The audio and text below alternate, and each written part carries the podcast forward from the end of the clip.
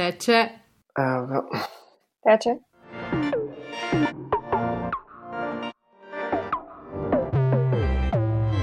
Sem Uršula Zaletel in to je oddaja z upisno številko 14.06.2020. Je deseta v seriji pogovorov z mladimi na valu 202. Vsako nedeljo zvečer razpravljamo o življenju v Rožnati dolini. Mladi pravijo, da se od tehnologije ne smemo izolirati, si pa moramo postaviti meje. Kako živijo s tehnologijo in ali je tehnološki napredek tudi družbeni? Če smo skrajni, so nas roboti osvobodili ali zasužnili.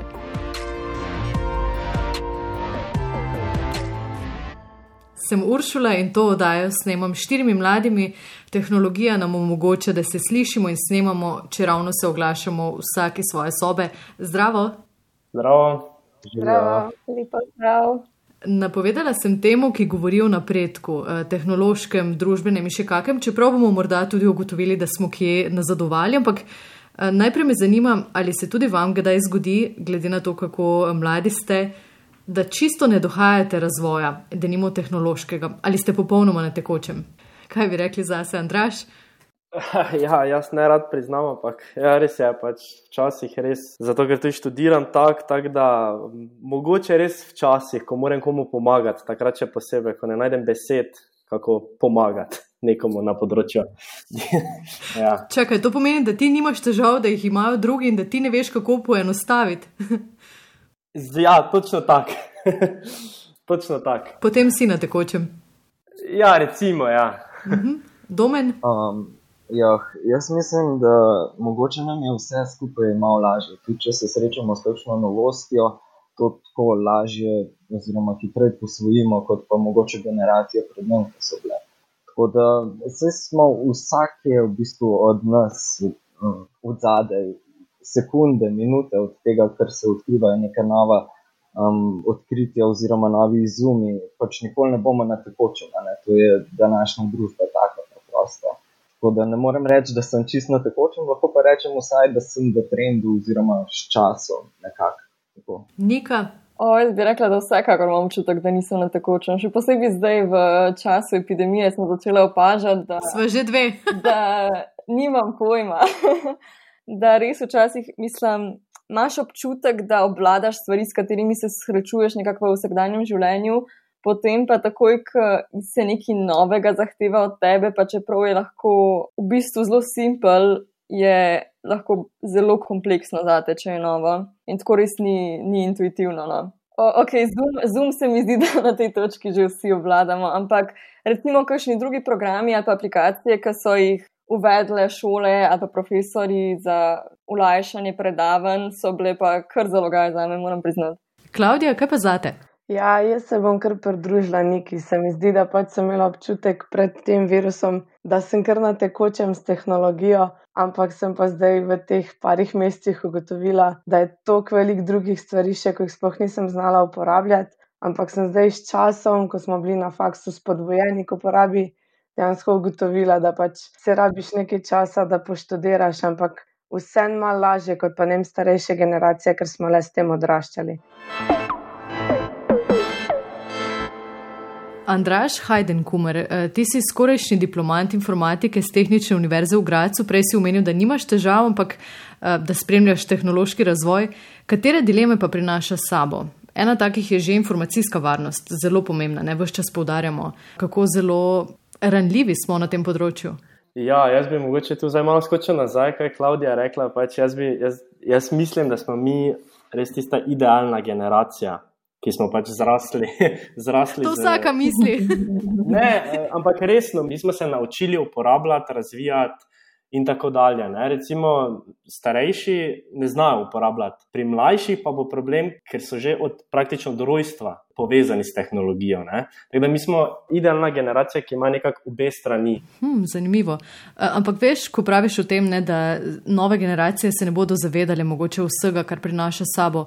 Ko govorimo o informacijski varnosti, kako velik problem je to? Govorimo o tem, da so podatki tisti, ki so v tej dobi nova nafta. Ja, To je zelo težka tema, pač jaz sem veliki zagovornik varnosti, zasebnosti in tako dalje. Jaz sicer verjamem, da pač v tem času, ko ima človek več informacij, se lahko tudi boljše odloča. Ampak zelo lahko je uh, videti, da pač more biti varnost. Tu zdaj tudi smo videli v času korone, ko so pač različne države želele praktično zasledovati ljudi, da bi pač s tem videli, kdo je bil v kontaktu in tako videli širjenje korone. Ne? Tukaj sem zelo ponosen, recimo, na nekatere privatne firme, se, oziroma podjetja, ki so se um, od tega oddaljile in ne želijo tega. In to je tudi prava smer. Evropska unija, ki je sprejela GDPR, recimo, to je tudi korak v pravo smer. Mm, k zaščiti uporabnika. Točno tako. In jaz mislim, da je zdaj, zdaj, še posebej na začetku, zelo pomembno, da se orientiramo v pravo smer. Ker tukaj na začetku lahko naredimo veliko napak, ki bo potem imelo velik vpliv na našo prihodnost, pa na, na bodoče generacije. Eh, Domen Žalec, bodoči diplomat sociologije, imaš repliko, eh, pa odlično istočnico je podal Andrašne. Tako je, ja, v bistvu, če se že nanašamo na neko to generacijo, oziroma um, da smo mi idealna generacija. Ja, mogoče res, ker trenutno se zavedamo in te nevarnosti, kar se tiče interneta in ohajanja nekih podatkov, ter tudi eh, prodaje samih podatkov naših, ki jih mi zaupamo, marsikaterem podjetju, oziroma pač v nekih teh aplikacijah in družbenih omrežjih, kjer pač prostovoljno predajamo svoje podatke. Obenem pa nismo tista generacija, ni nam vzibal pa nekako položena tablica računalnika in da že od takrat delujemo v bistvu nekako tako. Ne samo družbene spremembe, ampak v vsemu je ena taka informacijska revolucija, s katero se moramo še naučiti manipulirati, zato da bo eh, šla dejansko v naše dobro. Če pa se tako še malo pošalam, ne, zdaj jih imam takega mladega mačka, v bistvu novorojenčka. In še temu je v bistvu tablica položena v zibelko, ker so aplikacije, s katerimi se lahko on sam igra. Prosim, to mi boš povedal, po oddaji, katera imam mačko, pa zaenkrat loviš samo še vrvico in to. Mogoče bo kar ostala na tej stopni. Hvala, Domen. Eh, Nika Sluga, ti si maturantka Bežigradske gimnazije in bodoča študentka prava. Eh, tudi pravno gledano, tehnologija prinaša marsikatere novosti. In spet ne, če se vrnemo k tem aplikacijam za sledenje okuženim, potencialno okuženim. Eh, kaj misliš o tem? Ja, mislim, vsekakor se mi zdi, da sledenje posameznikom preko uporabe informacijske tehnologije za voljo dobrobiti neke skupnosti, da to vsekakor ne odtehta tega, koliko velik poseg v svobodo posameznika je to. Ja, se mi zdi, da to je pač taka problematična stvar, ki jo zelo hitro se da spregledati, ker smo tako navajeni tega, ampak hkrati jo pa moramo nekako vse čas obnavljati, ker so, kot se je bilo že rečeno, informacije dragocene v teh časih in ni kar samo umevno, da bi bili lahko miselni z njimi in da bi se kar tako odpovedali zasebnosti. Ne? Ja, vsekakor se v bistvu um, ne vemo, na kakšne načine se vse da zlorabljati podatke, ki jih damo na splet, ki jih damo v različne. Um, Na razpolago različnim podjetjem, ampak ja, se mi zdi, da je taka stvar, ki zdaj šele nekako prihaja ven in glede katere se ljudje šele zdaj začnejo počasi zavedati, kako pomembna je. Ja. Mm -hmm. uh, Klaudija Bastl Enci. Krave ne poznajo GDPR-ja. Zakaj to govorim? E, si študentka razrednega pouka, kar je pa meni eh, še bolj zanimivo. Ja. Doma si na kmetiji, ki ima krave moznice in hmelj in si hmeljska princesa. Ja, tako je. Ja. e, kako ti gledaš na razvoj? Predstavljam si, da imate sodobno kmetijo. E, Po drugi strani pa si tudi aktivna v Zvezi slovenske podeželske mladine. Kako razvito je slovensko podeželje? Ja, meni se osebno zdi, da je pač naše podeželje če dalje bolj razvito če dalje več tehnologije se uporablja, ne vem, razvijajo se določene aplikacije, ki ne vem, olajšajo kmetom delo, ne vem, razne podatke se zdaj že vse v računalnike vnaša, da ni toliko papirologije, ni več toliko ročnega opisovanja, tudi naprimer velik strojev je zdaj, s katerimi se obdeluje. Je pa res, da še vedno so pa določene stvari, ki pač nažalost ostajajo bolj staromodne, ni drugače, kot da to napravimo ročno. E, kaj to pomeni? Lahko podaš primer, e, ko praviš aplikacije in pa tega, kar pa stroj še ne more e, narediti na mesto vas. Aha. Zdaj, aplikacije pač imensko ne bom izpostavljala, ampak naprimer, da imamo neko, ne vem, razne meritve se zdaj napravlja. Naprimer, za zemljo, kakšna je, kaj primankuje, da potem vemo, katere um, hranila dajeti na zemljo. Ali pa tudi, naprimer, zdaj pri nas, če izhajam iz tega, da imamo doma moznice, naprimer, nam enkrat mesečno torej se izračuna, torej, kakšne vsebnosti minerali in vse podobno. Je v mleku, in potem točno vemo, na kakšen način strukturirati obrok kravam, zato da je mleko še bolj kakovostno. Tudi mi, nekako ljudje, se trudimo čim bolj zdravo jesti in tako da imamo boljše zdravje, isto je tudi pri kravah. Je pa res, da naprimer, kar se tiče pa ročnega, je pa pač naprimer, se zdaj izkazalo v času te krize, smo hmeljarji rabili sezonske delavce, ki pač se na njivi v spomladanskem času dejansko opravljajo vso delo ročno, tudi naprimer sadjarji, obrezovanje, vinogradniki, isto obrezovanje, takšna dela nažalost ne grejo strojno. Mm, takšno delo je še vedno v rokah človeka, ne? Eh, sprašujem vse štiri. Eh, zakaj mislite, polovica svetovnega prebivalstva danes živi v mestu? Eh, do leta 2050 boste v urbanih okoljih živeli že dve tretjini ljudi. Zakaj nas tako vleče v mesto, zakaj zapostavljamo ruralno? Meni osebno se zdi, da imajo ljudje mogoče zdaj, ko je ta tehnologija šla naprej, pa tempo življenja tako hiter, da jim nekako paše, da imajo vse blizu, torej da vse dogajanje blizu, ne vem, če si nek na vas, je vse malo bolj oddaljeno, pa čeprav to mogoče ni zdaj več to res, ker se tudi vas modernizira. Je pa res, da tudi prebivalstvo če dalje več in zato verjetno tudi številka mestnih ljudi raste. Ne? Povej nekaj. Mislim pa eni strani tudi neko tiz, da se lažje pridobi zaposlitev v mestih, da se nekako v mestih da lažje pridobiti nek višji življenjski standard, kar je lahko zdaj samo stereotip, lahko je resnica. Samo po eni strani je pa ogromno ljudi tudi v mestih, ki uh, nekako stremijo k temu, da bi našel nazaj ta mir, pa tak drug življenjski slog, ki ga bolj ponuja podeželje in nekako je prisotno tudi to bežanje nazaj v podeželje. Ne?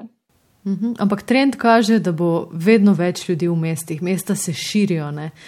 Se veste, ne, ta ekspanzivna rast uh, prestolnic, ki samo srkajo in srkajo ljudi, dnevni imigranti, uh, tisti, ki se preselijo. Je to napredek, urbano življenje? Uh, smo se razvili tako, da smo prišli v mesto? Mogoče bi ravno na tem rekel, na to, kar si ti rekla na zadnje, je to napredek. Ne. Mesta so od nekdaj nekako predstavljala kot nek napredek, oziroma če mogoče to dobo pred kapitalizmom pogledamo, je bolj so mesta bila res tiste neke prestolnice um, oziroma mesta akumulacije bogatstva, ki se ga je nekako zbiralo iz podeželja v mesta in da so poganjale v bistvu vse te neke, potem kasneje tudi industrije in tako naprej. Danes pa tudi mesto predstavlja zopet napredek, ne? informacije oziroma središče nekih informacij, kjer se izmenjujejo različna mnenja in življenje. Mogoče ima res čist drugačen tempo kot nekje na podeželju, če živiš, lahko rečemo, še kar to z naravo. Čeprav že tako na podeželju, če pogledamo, ne, mesto zelo vpliva, se svoje inovacije nekako tudi potiska na podeželje, kjer se pa pač prilagaja narava dejansko človeku in človeškim potrebam. Domen, ti se ukvarjaš z urbanizacijo in mobilnostjo, ne? E, to dvoje te zelo zanima. To polje je mičkam, ja, moja to, um, perspektiva, neka, ki jo dajem na svet in ko ga gledam. In ocenjujem in te odnose ljudi, kako potujejo med mesti, in zakaj to delajo, kakšni so razlogi za to. Čeprav to je nasplošno vse skupaj neka taka velika sociologija, zaradi tega, ker dejansko gledamo družbo in ljudi in interakcije med njimi, ki se dogajajo. Andraš, eh, te vleče mesto. Uh, jaz sem zdaj malo čisto vse skupaj povzel. Uh, jaz mislim, da veliko ljudi ne želi živeti v, v mestu, ampak pač morajo. Ali je to zaradi službe, uh, ali pa pač ker ne morejo iti ven, pač kak, kakorkoli. Uh, jaz osebno ne želim živeti v mestu, ne?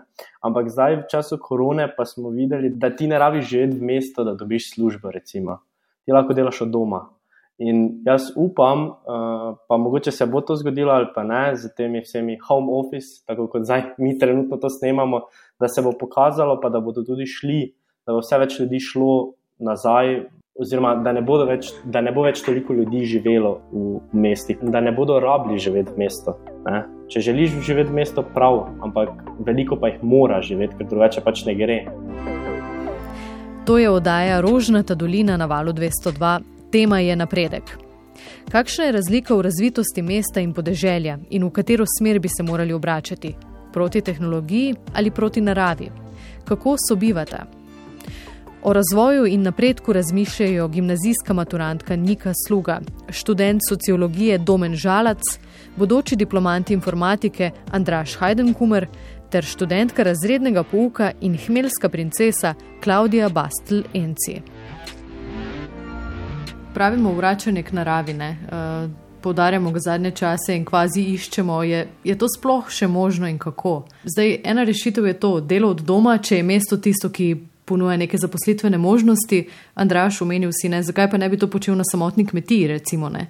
Se ne rabiš nujno se odpraviti v mesto. Um, Domen, kaj praviš? Uh, jaz bi mogoče tukaj dal odziv na to, da dejansko je bil vedno boj med mestom in podeželjem. Neka ta bitka se je dogajala in kar danes nastaja, je pa ravno to. Podeželsko-mestni kontinuum dejansko ni neke prepreke, mogoče sploh s temi tudi megamesti, ki nastajajo mogoče v tujini, ker mi sploh še nimamo nekega okusa dejansko, kako to zgleda. Ampak že tudi v Sloveniji imamo tako um, razpršeno naseljenost, tudi nekega podeželja, da je zelo težko govoriti zdaj tisto, kaj je za res narava in kaj ni, ne, in v katero ne smemo posegati, čeprav obenem smo že zelo posegali. Uh mhm. -huh. Govoriš tudi o tem, da znotraj megamest obstajajo gigantski rastlinjaki, ki ti ponujajo džunglo na dosegu roke, uh, 90-odstotna vlažnost. Ja, tako je. Aha, o tem govoriš. Dejansko danes je, pač, če rečemo tem ponudbam, ki nam dajo, dajo nam občutek narave, oziroma občutek tistega, kar mi mislimo, da je narava. Ne? In če je to svež zrak, je svež zrak, če so to potoki, so potoki, drugače pa hribe ali pa ne vem, karkoli je dejansko. Ampak če pomislimo vse to, kar sem naštel je dejansko bilo že eh, vplivano iz strani človeka doseženo in mogoče, da kakšen kraj na svetu še ni, na katerega bi človek vplival, so mogoče neka, kaj bi rekel, oceani oziroma tiste res eh, globine, v katere še nismo raziskali. Pa še na to smo mogoče vplivali, ker smo odlagali plastik morja. Eh, kaj pa tisto bolj pristno vračanje k naravi, eh, sobivanje z naravo, kjer ti naravi daješ, od nje prejemaš, ne pa da jo samo obiskuješ, eh, po njej hodiš, raziskuješ. Veš v tem smislu nekega sožitja človeka in narave. To se je sploh pokazalo, mogoče zdaj v teh časih krize oziroma pandemije, da človek res želi biti po eni strani samozadosten oziroma nekako v stiku z naravo se mogoče tukaj bi Klaudija celo bolj znala povedati, verjetno. Zdaj v zadnjem času se je res porasla neka narast teh, kako se reče, gajbic, dobrot, ki pa so res domače. In... Ja, lokalnih izdelkov. Tako je. Ja. Uh mhm. -huh. Smo preuprašali to uh, lokalno, uh, smo se obrnili na soseda uh, kmeta, namesto da bi, ne vem, poklikali dostavo. Klaudija? Ja, Jaz mislim osebno, da se je tu kar zdaj v tem času res veliko. No. Sicer je bilo, po mojem mnenju, tudi veliko promocije, tudi mi kot Zveza podeželske mladine smo se trudili na raznih socialnih omrežjih čim več eh, promocije narediti. Hkrati je tudi nastalo veliko različnih spletnih strani, ki so dejansko dobavljale potem te lokalne izdelke. Po izkušnjah in informacijah, ki sem jih dobila od drugih kmetov, so dejansko ljudje, ker pač so bili omejeni na svojo občino, mogoče smešno rečeno, končno določeni raziskali svojo občino in videli, da pa lahko dejansko dobijo vse, ne vem, v krogu 200 metrov ne? in vse lokalno in dejansko kvalitetno predelan, kar se dejansko slovenci sploh ne zavedamo, da je slovensko kmetijstvo proti ne vem, ostalim kmetijskim državam skoraj ekološko, ker pač je tak, kako naj rečem, zakonodaja v naši državi. No. Nika, zakaj ima včasih eh, vračanje k naravi negativno konotacijo? Kot da govorimo o vračanju v prav skupnost, češ nazaj k naravi, eh, pa se to ne pomeni, ne, da bomo oblečeni v kože ali pa imeli lase spete kot kremenčkovi. Ne? Res ne zaznam te negativne konotacije. Je pa res, da sem um, od rojstva že dekle iz mesta, tako da nikoli nisem imela te izkušnje, kako je živeti nekako bolj v povezavi z naravo, ampak jaz prej občutam to, da večina ljudi, še posebej mladih, ki jih jaz poznam, vidi to vračanje na, k naravi tudi nekako v smislu, da, da bi tako življenje bolj ustrezalo nekako človekovi duševnosti oziroma pač dobrobiti, no? čisto v smislu duševnega zdravja in telesnega zdravja. Kako se vračate k naravi? So to ravno ti okoljski boj za podnebno pravičnost, ali se res vračate k naravi? Vem, da recimo blazno cvetijo, če rečem tako, izmenjevalnice teh sobnih rastlin, ne? pa nekateri pridelujejo svojo zelenjavo na balkonu. Ne vem, trajnostna moda, second hand shopi in podobno. Govoriš o tem? Uh, to je res, to je res na razmahu se mi zdi, da med mojo generacijo. Ampak se mi ne zdi, da je to zares primer tega, tako kot si ti prej rekla, te simbioze z naravo. Je res, da se veliko bolj zavedamo, um, imamo občutek tega, kako dolgoročno lahko negativno vplivamo na, na naravo in, oziroma okolje, in da poskušamo čim bolj aktivno, pa čim bolj pozitivno zmanjšati ta vpliv. Ampak hkrati pa se mi ne zdi, da bi bila ta današnja generacija sposobna prav tiste vrnitve naravo, kjer, kot si ti rekla, uh, naravi dajaš in jo vzemaš. Ne vem, če, če, smo, če, če nam to sploh, če, če bi se lahko sploh privadili k temu. Uh, mislim, da si omenjala nekako posredno uh, koncept odrasti. Uh, ta poziv k zmernosti, trajnostnemu razvoju, pa ne le kvantiteti, k surovi ekonomski rasti. Kaj mislite, je to rešitev za sodobno družbo, da malo preoprašamo sistem in to, kam gremo, oziroma kam se želimo, če se želimo vrniti? Andraš. Definitivno. Zdaj na podlagi recimo podjetij na področju digitalizacije. Veliko podjetij se odloča ne za odločitve, ki bi mogoče ekonomsko bile pravilne za podjetje. Recimo, na primeru, uporabljajo uh, obnovljive vire za energijo. Recimo. Ekonomsko to mogoče na začetku, ko se je to začelo, ni bilo glih prava odločitev, ampak vseeno je bila odločitev, ker je bila pomembna odločitev. Jaz mislim, da mi strmimo v to smer in da pač bomo enkrat prišli do te točke, ker pač ne bo več to debata, ampak bo pač realnost. Kaj pa človeški viri? Jih štedimo, se oziramo tudi na ljudi, na zaposlene, na delavce.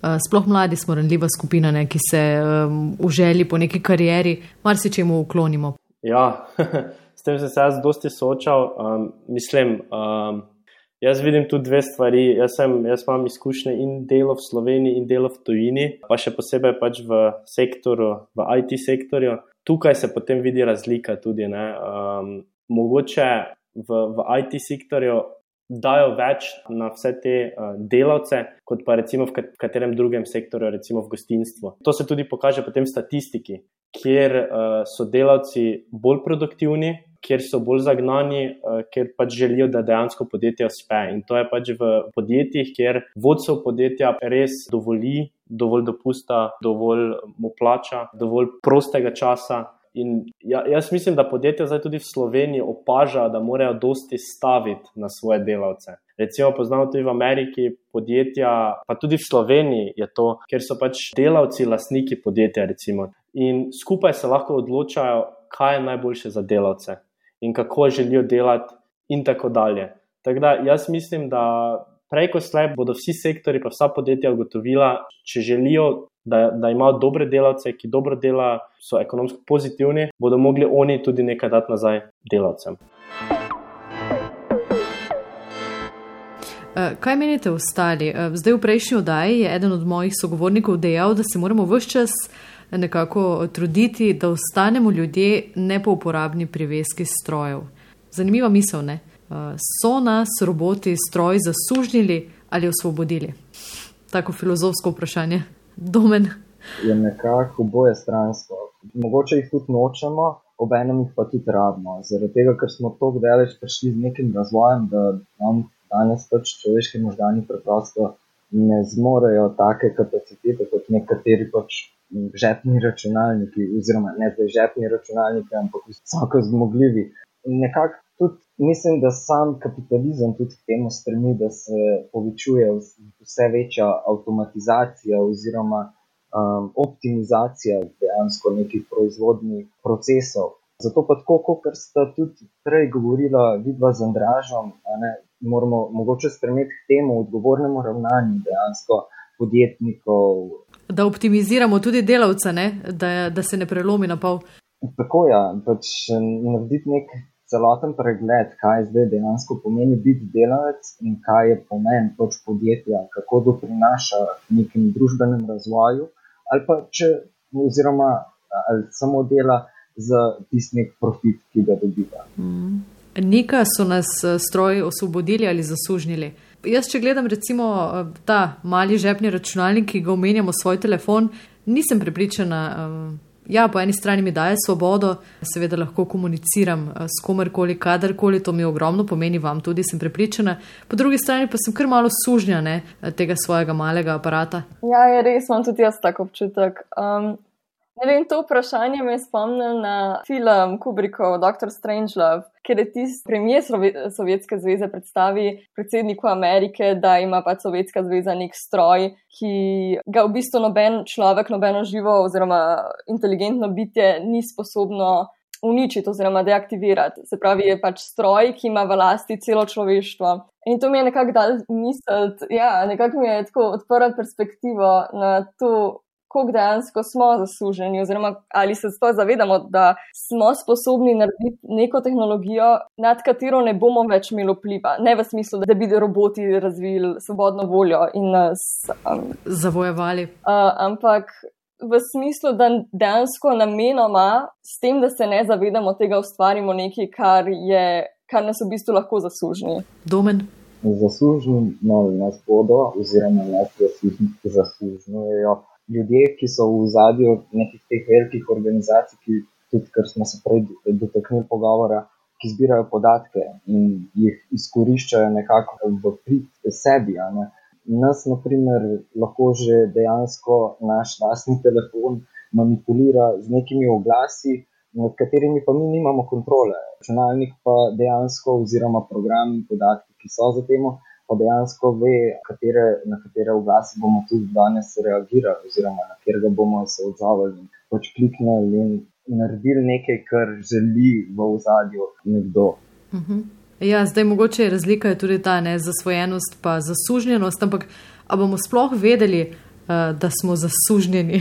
Tudi na nek način je to, kako nepogrešljiva je vsa tehnologija v naših življenjih, je že neka nesvoboda, ne? je na nek način že neka vezanost, ki ne moramo več pobegati. Tudi če ne govorimo neposredno samo o odvisnosti. Uh mhm, -huh. Izvoli, Klaudija. Naj sem sam, naprimer, ko je neko, pač, da določene stvari so res take, ko ne da smo odvisni, ampak pač ne moreš brez nje. Naprimer, dober primer je študenti, to se lahko vsi poistovetimo imamo zdaj na telefonu za klicanje bonov in pač, če ti telefon odpove, si brez bonov. Mislim, pa ne, da si zdaj, joj, telefon rabim, ampak te bolj to stisne, joj, ne morem za bone, za hrano klicati. Tako je smešno. No. Ampak, Klaudija, kaj misliš? Uh, delajo stroji v našo korist ali delamo mi v njihovo? Veš, ne, ko pravimo, uh, ne vem, avto mora služiti meni, ne pa jaz njemu in podobno. Ja, jaz mislim, da ima res vsaka stvar dobro in slabo stvar. In pač na določene stvari so lahko ti stroji, pripomočki, tehnologija zelo koristni za nas, nam olajšajo delo. Vem, ampak pa se pa vprašaš po drugi strani. Vem, smo se na faksu učili, da gibanje pri ljudeh za 30% ali pa še več povečuje delovanje možganov in pa njihovo sposobnost. Produktivnost. produktivnost ja. pač, če zdaj mi vse čas za računalniki sedimo, se samo vozimo, nič ne, dejansko se skoraj nič več ne gibamo, koliko smo še dejansko, pol, naj rečem, pametni ali kako naj rečem, vse imamo ljudi, ne vem, ko so res tisto nadpoprečno pametni, pa dejansko naredijo, ampak prepuščamo to znanje, ne vem, tako smo rekli, žepnemu računalu, da me s nas računa, zakaj ne bi to sami, naprimer, naredili in se mal potrudili, pa mogoče mal naše možgančke natrenirali. Mogoče glih zaradi tega smo pa zdaj lažje manipulirani kot pa včasih. Andraš? Ja, jaz se definitivno z vsem strinjam. Rad delaš povzetke, ne? ne, šalim se. De, de, dejansko jaz se bolj, uh, bolj nagibam k temu, da, da so nas stroji oziroma tehnologija, da nas je osvobodila. Uh, jaz mislim, da si mi moramo sami oziroma odločiti ali pa tako tudi narediti, da bodo stroji delali v našo korist. Če se mi sami želimo zaslužiti, se bomo pač zaslužili. Uh, kaj mislim s tem? Jaz sem v stiku vsak dan s tehnologijo ali je to zaradi službe, ali pa je to zaradi prostega časa. In na vsako zadevo je treba tudi tako gledati. Recimo, če si ti v službi, pa moraš uporabljati tehnologijo, recimo računalnik, boš lahko takoj stopil stran. Zato, ker pač delo je delo. Ne? Če boš pa ti na telefonu gledal YouTube, filme, igral igrice, pa sem jaz lahko recimo na računalniku cel dan. Uh, tako da to je od primera od primera odvisno. Recimo, če zdaj pogledamo tema, kaj je bila prejšnji teden, oziroma pred dvema tednoma, Elon Musk, recimo, ne, ko je s pomočjo njegove rakete poslal dva astronauta uh, v vesolje. To zdaj so vse naredili računalniki. Včasih je mogla NASA sama na roko računati pot rakete v vesolje. Tukaj lahko rečemo, da so stroji delali za nas. Recimo še primer, osebni primer, recimo, kako si pač moramo meje nastaviti, pač postaviti sami. Jaz sem v srednji šoli, ko sem opazil, da sem zelo dosti na telefonu, na računalniku, sem s prijateljem se odločil, da bom recimo en teden imel tako znani uh, offline week, smo mi dva temu rekli. Recimo, detox. detox. Se reče, to je zdaj beseda. Evo ga, detox, točno tako. In takrat smo se mi dva komunicirali samo preko fiksnih telefonov, če pač res bila nuja, če si mogel kaj povedati za šolo. Ne? In jaz res mislim, da si pač mora vsak, ne, ne smemo se ograditi od tehnologije, moramo si pač postaviti neke meje, neka pravila, kako, kako tehnologijo uporabljati. Ne. Seveda je to zdaj odvisno od različnih faktorjev, vzgoje, izobraževanja, tudi lokacije, recimo to za, za študentske bone. Ne. V Sloveniji pač morajo študenti uporabljati študentske bone, ne. v Avstriji tega ni. Ne. Torej, pač je od lokacije tudi odvisno, kako močno je tehnologija vgrajena v vsak dan mladih. Absolutno, ko si omenil izobraževanje, zdaj sem pisala zaključno delo, pa si brez digitalne knjižnice res ne predstavljam, kako bi mi uspelo. Kako so včasih hodili v knjižnice, pa je bilo eno gradivo za ne vem, 500 študentov, si ga čakal, si sposojal, bral, listal, ne? zdaj pa je na dosegu roke in to med koronavirusom. To je recimo primer, ko tehnologija dela za nas. Klaudija, nekaj si želela dodati? Ja, ne, sem hotela sam, da se strinjam dejansko z Andražem, da pač se mi zdi, da je pomembna ta meja, no, da si jo znamo postaviti. Da če znamo mi imeti mejo, pa uporabljati, tako je Andraš rekel, pa je tehnologija definitivno dobra stvar in nas ne bo uvirala, nam bo sam pozitivno prinesla v življenje. Sploh, če se zavedamo, tako smo prej govorili o varovanju podatkov, če znamo uporabljati, ne bo nobenih problemov. Ne? Pač, da znamo uporabljati, pa da imamo neko mejo, pa je to super stvar. Moramo se pa zavedati, da zdaj otroci odraščajo s tem gor in kako malo se lahko že razvija ta odvisnost. Mene je tega bolj strah. Ne. Je pa res, da je zdaj full dober, grdo rečen, ta kriza prišla z virusom, da so ljudje ugotovili, da je tista največja stvar, ki jim manjka, dejansko socialni stik in druženje, ne. da ni tehnologija vse. Domen? Družben razvoj je pač po eni strani tako daleč pripeljal, kot je tudi Andraš govoril, ne, da dejansko človek uh, oziroma novi psihični problemi zaradi tega nastajajo. Človek rabi, kot si tudi ti rekla, um, detoks od same tehnologije. In pač to samo pove, da dejansko človek je sam sebi en tak velik problem, oziroma sami sebi ustvarjamo nove težave, na katere imamo pa tudi sami mi odgovore. Andraš? Ja, kaj sem jaz tu želel reči, glede tega, kaj je Klaudija tudi rekla, socialnega stika in podobno. To smo zdaj pač v tem času tudi uh, videli z uh, vse večjo depresijo, ker smo pač, zdaj smo mogli biti doma, uh, pa smo se mogli dejansko soočiti s svojimi problemi. Recimo, tako spet en, ena rešitev iz področja um, informatike. Tukaj v Gracu sem spoznal enkrat tega direktorja, ki podjetje se reče InstaHelp. Recimo, in oni so že pred korono, že dolgo pred korono, pomočjo ene univerze, točno ne spomnim imena, ampak so začeli z online svetovanji, torej z psihologi nadaljavo. In tukaj je ta zadeva, ki nam pač pomaga dejansko tudi pri teh zadevah, z, z socialnim stikom, z vsemi težavami, ki jih pač imamo v življenju, nam tehnologija tudi omogoča rešitev. Tako da jaz mislim, da v tehnologiji lahko najdemo eh, različne rešitve na vsakdanje težave. Super, ja, da ne govorimo samo o ekonomski rasti in podobno, osebnostna rast. Uh, kako rastemo, kako odrastemo, s čim. Ker zdi se mi pogosto, da upeti smo izobraževalni proces, pa tam melješ, delaš, hlepiš po tem eh, cilju, ki je lahko ali matura. Uh, Nika, ti boš vedela, ne, matura je zdaj zelo aktualna, ali je potem, ne vem, uspešno zaključen študij, prva zaposlitev in podobno. Kaj pa osebnostna rast, kako jo doseči, pa to, da smo psihološko trdni da se razvijemo v neko trdno osebnost. V teh časih, ko nam je lahko tehnologija v pomoč ali pa še dodatno obremenilna, ne? Eh, se veste, gledamo fotografije nasmejanih ljudi, ker na Instagramu ni slabega vremena in niso za, ne potem imamo vodiče po sreči, eh, kako do bogatstva. Eh, se včasih počutiš, kot da ničesar nimaš ker ti daje ta potrošniški kapitalizem občutek, da še veliko stvari potrebuješ, da boš sploh kaj dosegel, da boš sploh kdo postal. No, vse skupaj je en tak velik dvorezni meč. Po eni strani ti je to, ko se je omogočeno, to, ko nekih informacij imaš na voljo, po drugi strani moraš biti pa tudi sam pri sebi dovolj informacijsko pismen, da znaš prebrati vse te. In selektiven. Tako ja, da znaš izbrati dejansko tiste podatke ki so pravi, pa ki nekako um, ne odvračajo te od bistva, ampak da te samo pripravljajo na neko potrošnjo. Če že pri tem govorimo. Domen, kako priti do svojega bistva v teh časih, ko je toliko vsega, se mi zdi, da se hitro zgubiš.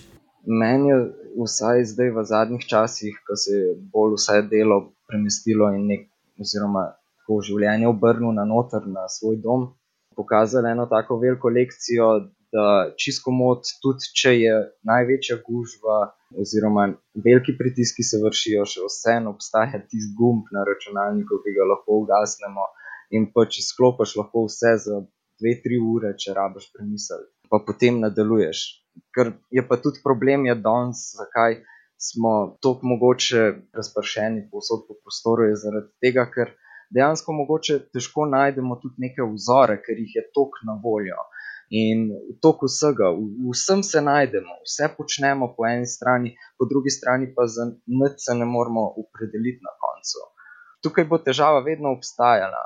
Um, še bolj pa se poglablja z današnjimi časi, ko sploh ni več nekih vzorcev, katerim bi lahko sledili, kot so naprimer recimo generacija naših staršev, pa še te sedaj nimajo naprimer nekih varnih zaposlitev oziroma tistih ritualnih zaposlitev, ki greš zjutraj ob sedmih od doma in veš, da prideš ob treh in te to definira nekako skozi življenje. Mi se pa tok nekje vmes smo, sploh pa študenti v Sloveniji, ob enem lahko delaš in lahko posvetiš vaš čas delu, ob drugem pa moraš vseeno študirati. Pa slediti svojim sanjam, pa nekem višjem bistvu, da ga potrdiš v sebi.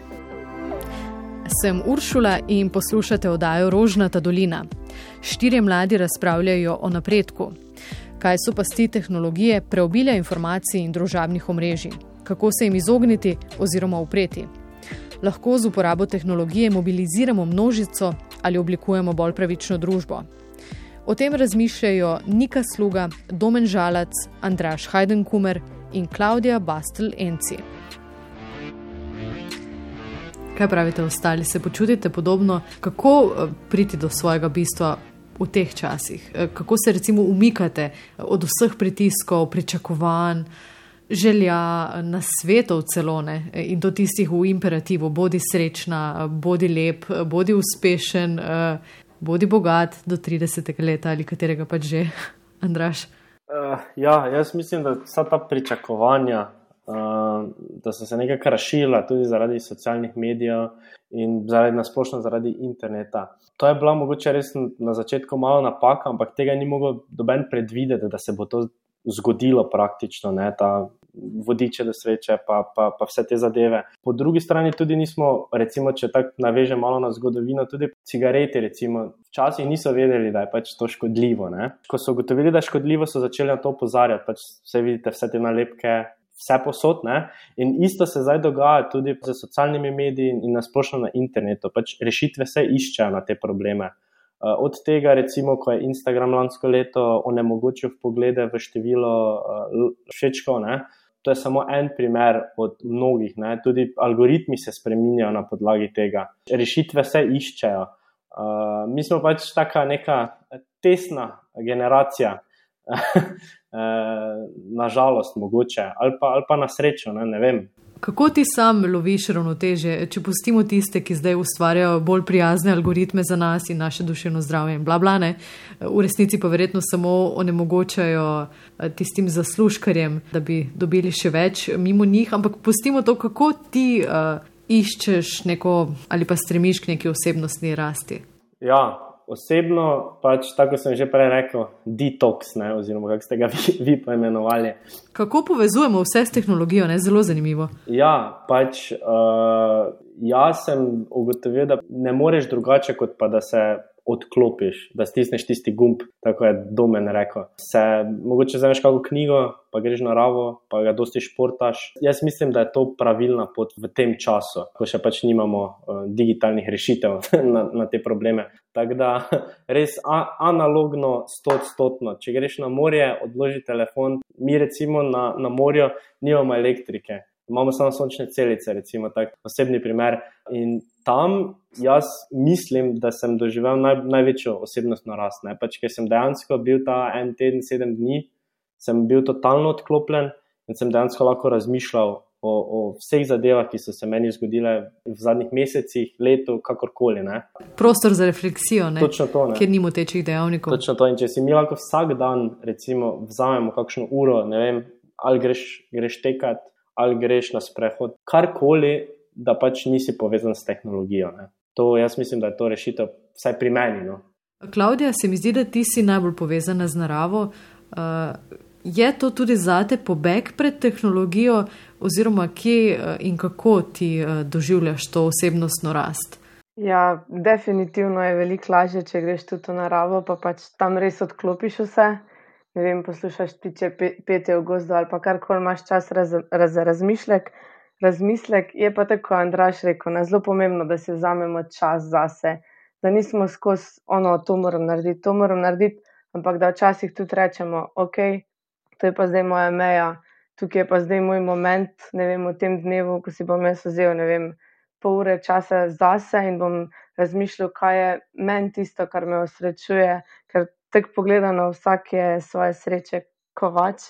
In pa če se ne zavedamo, kaj nas osrečuje, da gledamo samo s temi trendi, kjer je vem, uh, poklici ali pa dobiček, pa denar, pa definitivno ne bomo živeli tega kvalitetnega življenja, pa imeli take osebnostne rasti, kot bi lahko imeli.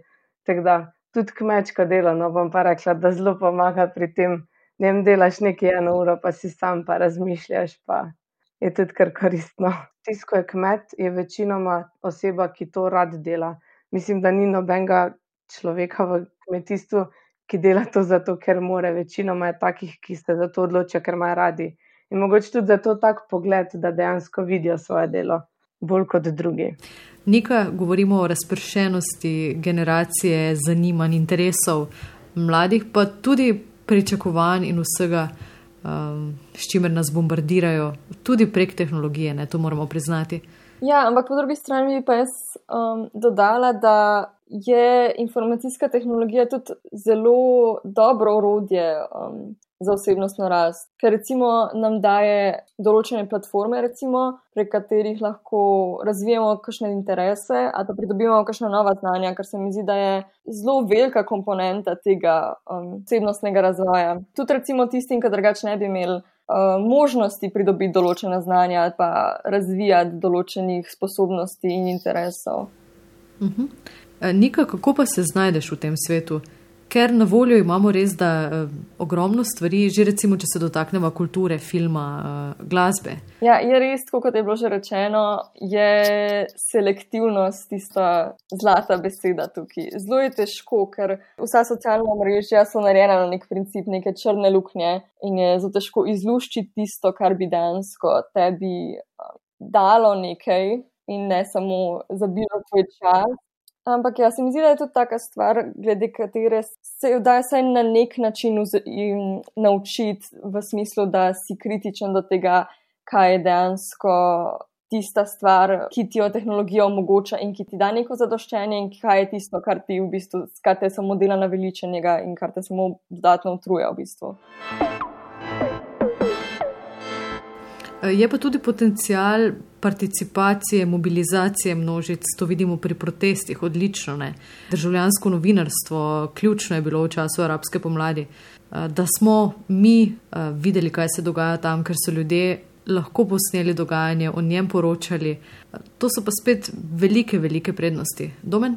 Ja, Jaz mislim, da tukaj gre za eno veliko demokratizacijo v enem s to tehnologijo.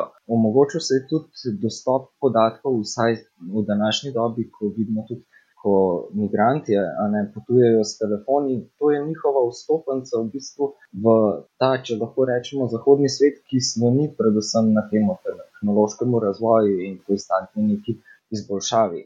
Ampak ali bo ta tehnologija dejansko pripeljana do nekega, neke osvoboditve ljudi, da bodo lahko se emancipirali od države oziroma nekih višjih inštanc, ki nas zapirajo.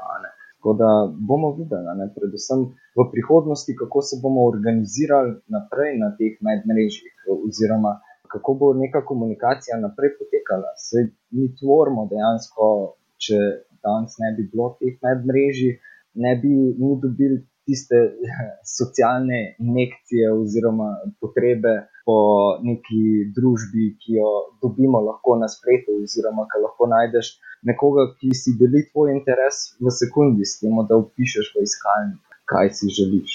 Mhm. Točno to domen lahko. Na spletu, oziroma s pomočjo tehnologije, vzniknejo neke spremembe obstoječega družbenega reda. Ja, seveda, ne, če so v pravem času in v pravem trenutku um, uporabljene. Ker še vseeno je pa potrebno sporočilo, ki ga ljudje želijo dati, da, da pride kot normalno, oziroma kot tisto želeno sporočilo od njih samih.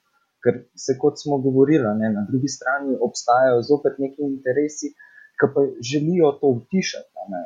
Vedno bo dvoboj med tem, kaj bo neka resnica prevladala od zunaj med ljudmi ali ne. Še vedno pa obstaja ogromno nevarnosti, ne? ker kot vidimo danes je veliko plusov, pa tudi veliko minusov. Eh, minusi so lažne novice, eh, potujejo prav tako hitro, če ne včasih še hitreje kot tiste, ki so preverjene.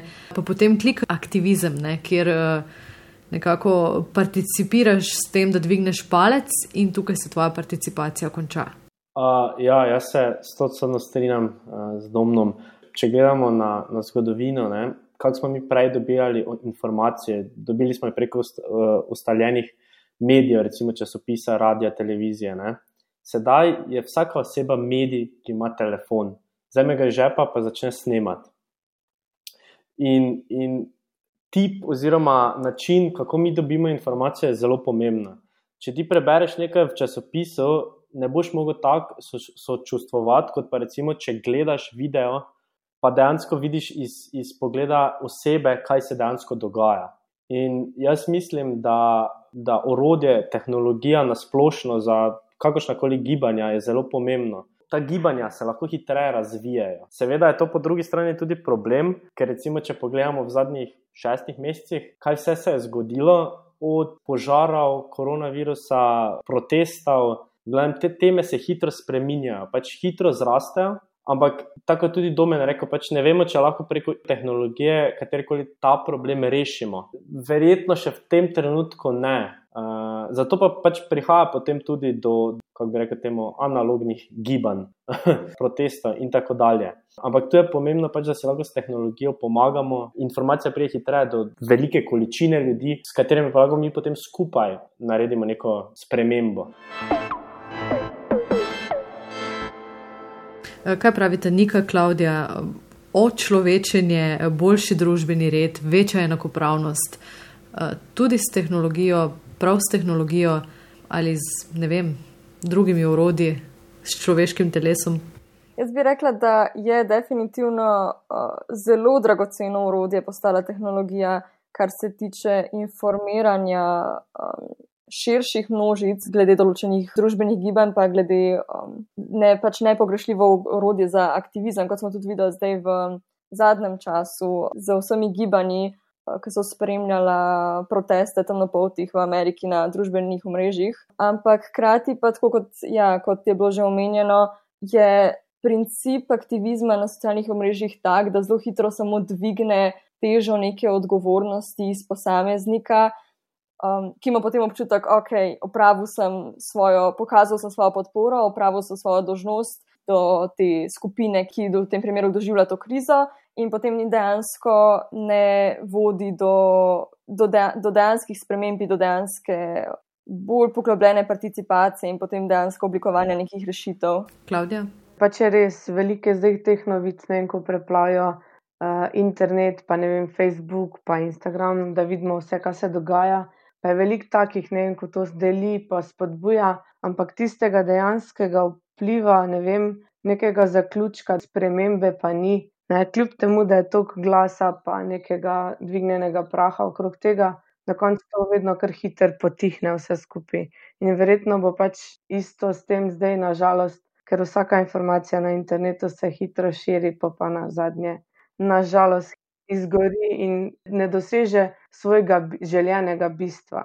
Poslani ljudje, ko dejansko vidijo, da je to neka priložnost za pozornost in bojo sam zaradi tega delili ali pa sam zaradi tega nekaj začeli, pa mogoče sploh ni tiste neke res notranje želje po spremembi in mogoče tudi to razlog, zakaj ni tako velikih sprememb na koncu. Ne? Je sam neko, da se izpostavi, ja, jaz tudi to podpiram, v bistvu pa ne stoji s tem zares v zadnji. Zaključimo s tem. Uh, morda ste brali knjigo Sapiens, kratka zgodovina človeštva. Ja. Harari. Ste ne. Uh, navajam. Piše tako, ne. Ogen nas je naredil nevarne. Opravljanje nam je pomagalo sodelovati. Poljedelstvo je v nas prebudilo lakomnost. Mitologija je ohranjala zakon in red, denar nam je dal nekaj, čemur vsi zaupamo, nasprotje so ustvarila kulturo, znanost nas je naredila za mojstre stvarjenja, vendar nas nič od tega ni usrečilo. Kaj nas lahko, kak napredek v kakšni smeri? To je bilo zdaj nekaj takega kot tiste Faustove drame. Bom podložila z muziko, velja. um, ampak, ja, kaj, kaj si želimo, kaj nas bo sreča, to je novo vprašanje. In če nas bo tehnologija, bo to zelo super. Mislim, da do določene mere nas bo. Jaz osebno pa lahko rečem, mene bo do usrečili medosebni odnosi. Mislim, vsaj ta stik z bližino drugega, ki jo pa res mogoče v teh zadnjih časih uh, sem začel tako pogrešati. Ok, se neki pogovori lahko to nadomestijo prek spleta, ampak še vsem je pač tista drugačen občutek in momentum in tista sreča, potem tudi, ko odideš od ljudi in se spominjaš tega.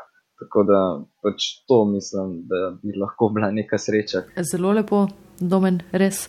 Klaudija? Jaz se strinjam z domnom. Se mi zdi, da je bolj sreča v teh od, uh, socialnih odnosih in nekih tistih pravih prijateljih, s katerimi se lahko družiš, ker pač vse slika je, pač sliko gledaš lahko tudi prek tehnologije.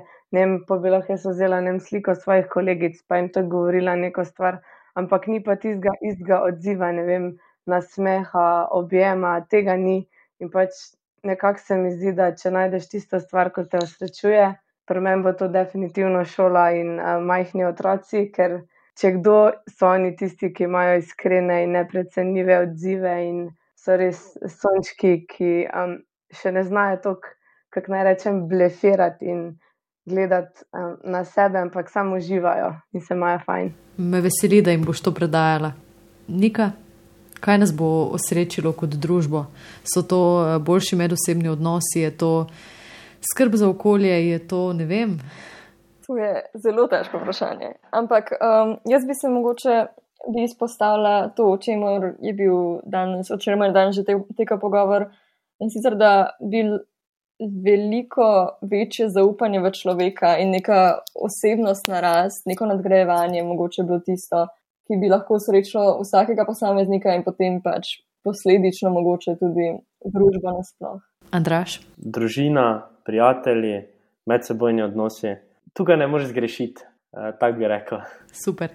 Andraš, Hajden Kumer, Nika Sluga, Domen Žalac in Klaudija Bastel, enci, hvala za lepo odraslo, a svežo debato. No? Hvala. Hvala vam hvala za povabilo. Z mano ste so ustvarili deseto oddajo. Fino, ne? Cool. No, ja, ja, dober občutek. Dober občutek, ne. Se strinjam. Hvala vam, lepo se mete. Enako. Adijo. V deseti oddaji Rožnata dolina smo napredovali in govorili o napredku, rasti, razvoju. Oddaja bo kmalo spet nazaj. Do takrat se naročite na podcast Rožnata dolina, če poznate mladega, prodornega posameznika ali pa ste se pravkar samo identificirali, pa mi pišite na ursula.zaletel afnartvslo.si. Hvala!